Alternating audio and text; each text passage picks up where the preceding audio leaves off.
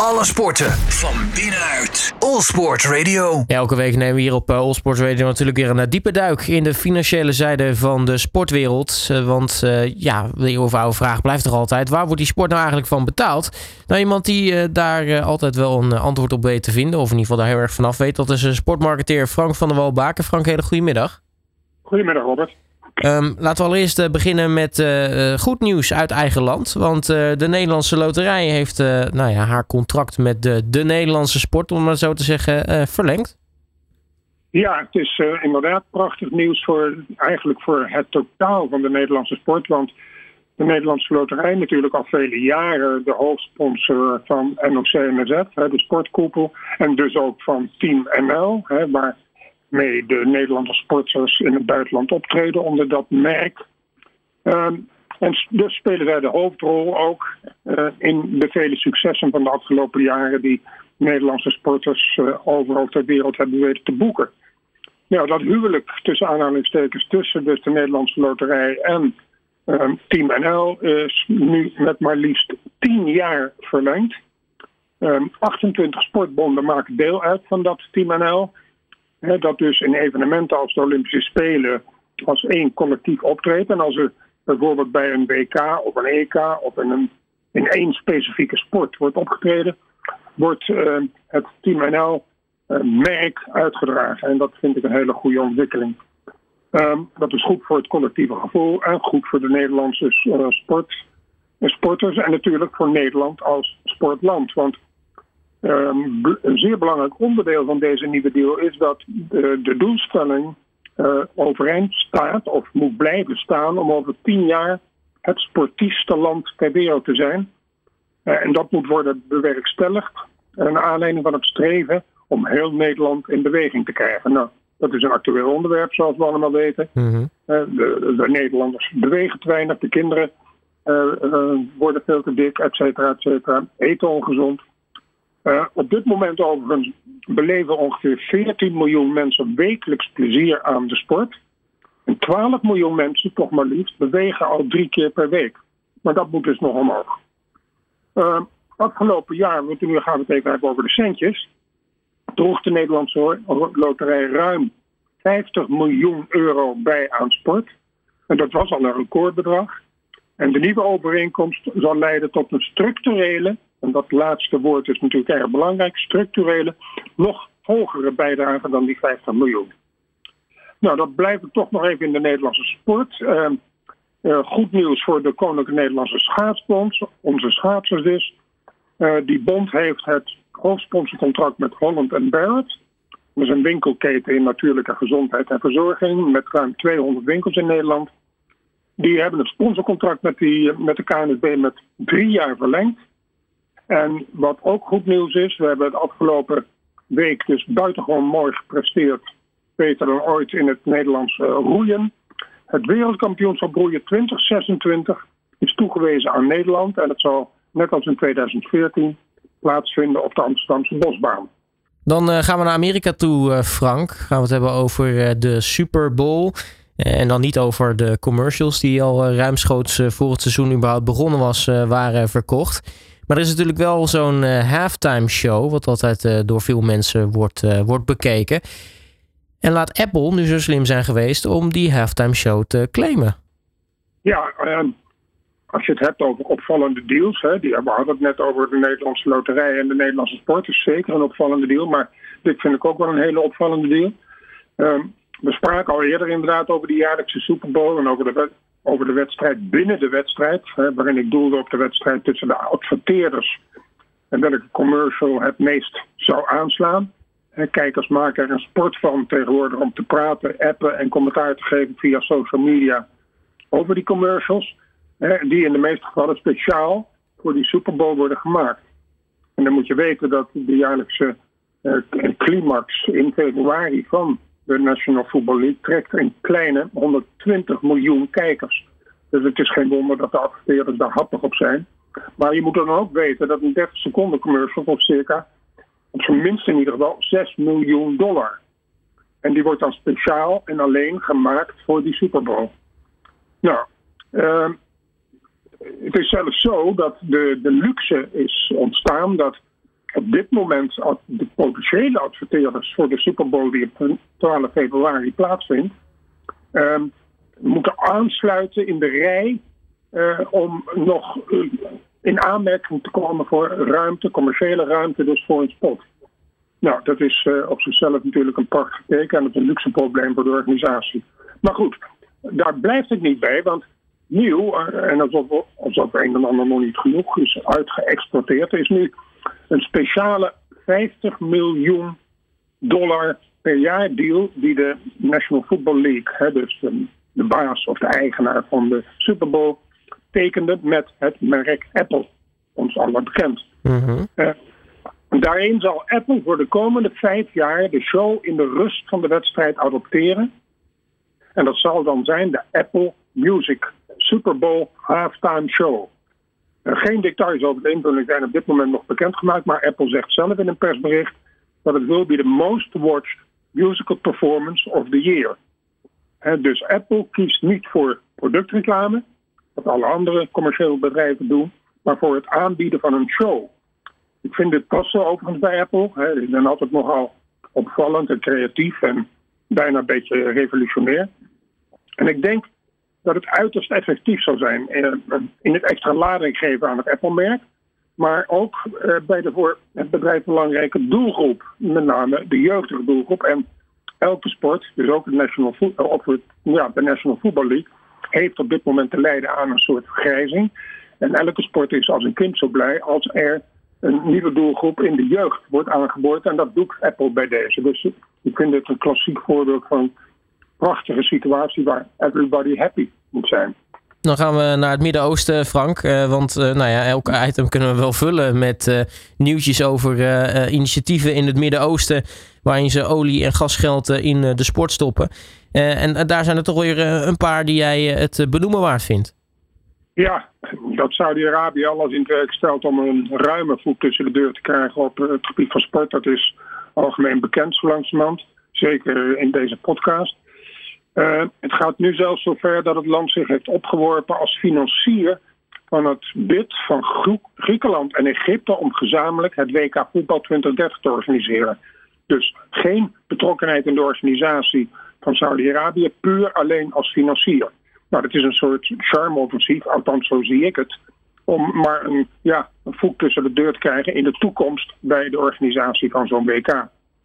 Um, het is overigens een, een initiatief, en dat zal je niet onbekend voorkomen, van het PIF. En dat is het Public Investment Fund. Dat is opgericht door de kroonprins, mm-hmm. Mohammed bin Salman. Die erg sportminded is en die ook de kracht van sport ziet voor zijn land. He, want datzelfde PIF kocht niet lang geleden Newcastle United voor 350 miljoen euro. En is ook de financier van de controversiële Live Golf Tour. Waar we het ook al elke keer over gehad hebben. Uh, het is ook niet een verrassing dat hetzelfde PIF onlangs meldde graag kandidaten zijn voor de Olympische Spelen. Ja, opvallend is dan wel dat Thomas Bach, de voorzitter van dat IOC, enkele dagen na die melding een persverklaring liet uitgaan dat bij de keuze van hoststad voor de Spelen in de toekomst, vanaf nu dus, uh, zeer nadrukkelijk rekening gaat worden gehouden met de human rights issues. Nou, dat is voor Saudi-Arabië natuurlijk eventjes een stapje terug, denk ik. Uh, er zijn overigens voor dat WK 2030, waar Egypte en Griekenland dus samen voor willen gaan, uh, meer kapers op de kust. Uh, Spanje en Portugal willen het met elkaar doen. En vanuit Zuid-Amerika heeft samenwerking Argentinië, Uruguay, Chili en Paraguay, dus vier landen, hebben zich gemeld. Gianni Infantino, de, de, de hoogste baas van de FIFA, die natuurlijk een zeer belangrijke stem heeft in dat geheel, um, heeft openlijk zijn voorkeur voor Griekenland en Egypte uitgesproken. Uh, dit vooral, zegt hij zelf, omdat er een Afrikaans land bij betrokken zou zijn. Ik denk dat de werkelijke, reden van meneer Infantino is dat uh, het grote geld van Saudi-Arabië hem zeer welkom is. En dan uh, Qatar, want die heeft uh, toch uh, wilde plannen om na het WK voetbal, wat natuurlijk deze winter gaat plaatsvinden daar, om toch behoorlijk door te pakken met sportevenementen. Ja, ik zie dat ook een beetje, Robert, als een soort charme-offensief. Want ze weten natuurlijk dat ze zeer nadrukkelijk onder de loep liggen met dat wereldkampioenschap in Qatar. En dat zijn op dit moment nog steeds zeker vanuit de politiek meer tegenstanders dan medestanders. Maar goed, Uh, Dubai en Qatar zijn natuurlijk allebei uh, veel uh, landen die veel in sport zien. Maar Qatar is in dit geval even de hoofdrolspeler. Want ze hebben nu een deal weten te sluiten om na het WK-voetbal geen stilte te laten vallen om met het, met het United Rugby Championship en de Heineken Rugby Cup wedstrijden te laten plaatsvinden in het plezantrijke golfstaatje, waar ze gebruik gaan maken van de voetbalstadions die gebouwd zijn en waarvan sommige, heb ik begrepen, ook onmiddellijk weer worden afgebroken, maar dat even terzijde.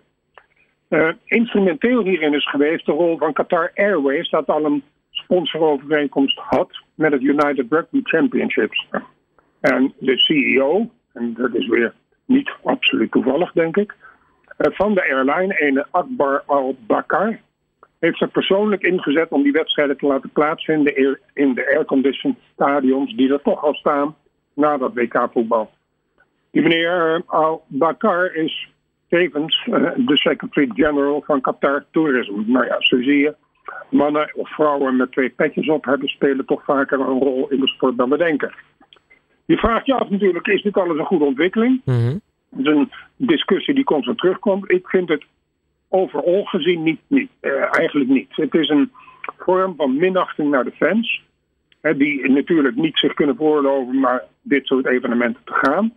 En die weliswaar dan de live wedstrijden op televisie kunnen uh, voorgeschoten krijgen. Maar dat is en toch iets anders. En ik ben en blijf van mening dat alle groei in de sport, of het nu prestaties, media-aandacht of sponsors betreft, zijn terug te herleiden naar de band met de fans.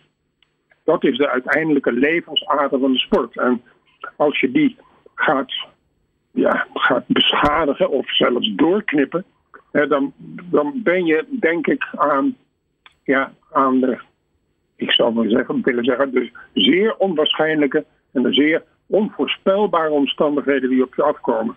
Maar ja, Robert, de hoge heren en dames in de sport houden van plus, mm. houden van aandacht en houden bovenal van poen.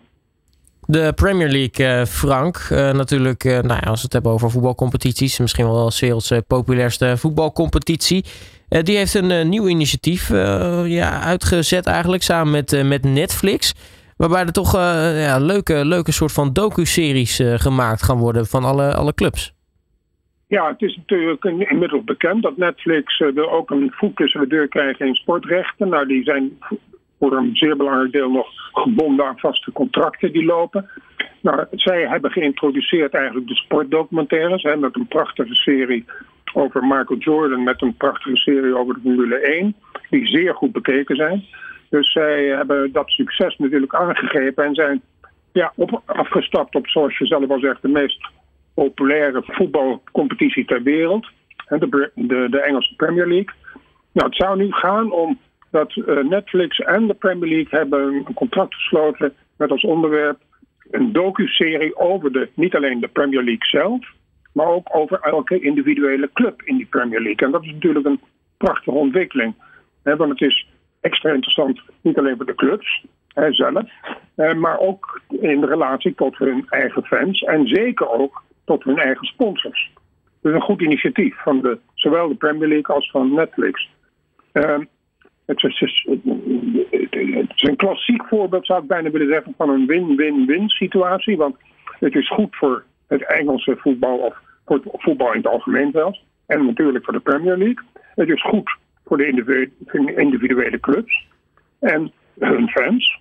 En last but not least zeker ook goed voor alle sponsors. Uh, en dan natuurlijk uiteindelijk uh, ook goed voor Netflix, want die zullen kijkers trekken.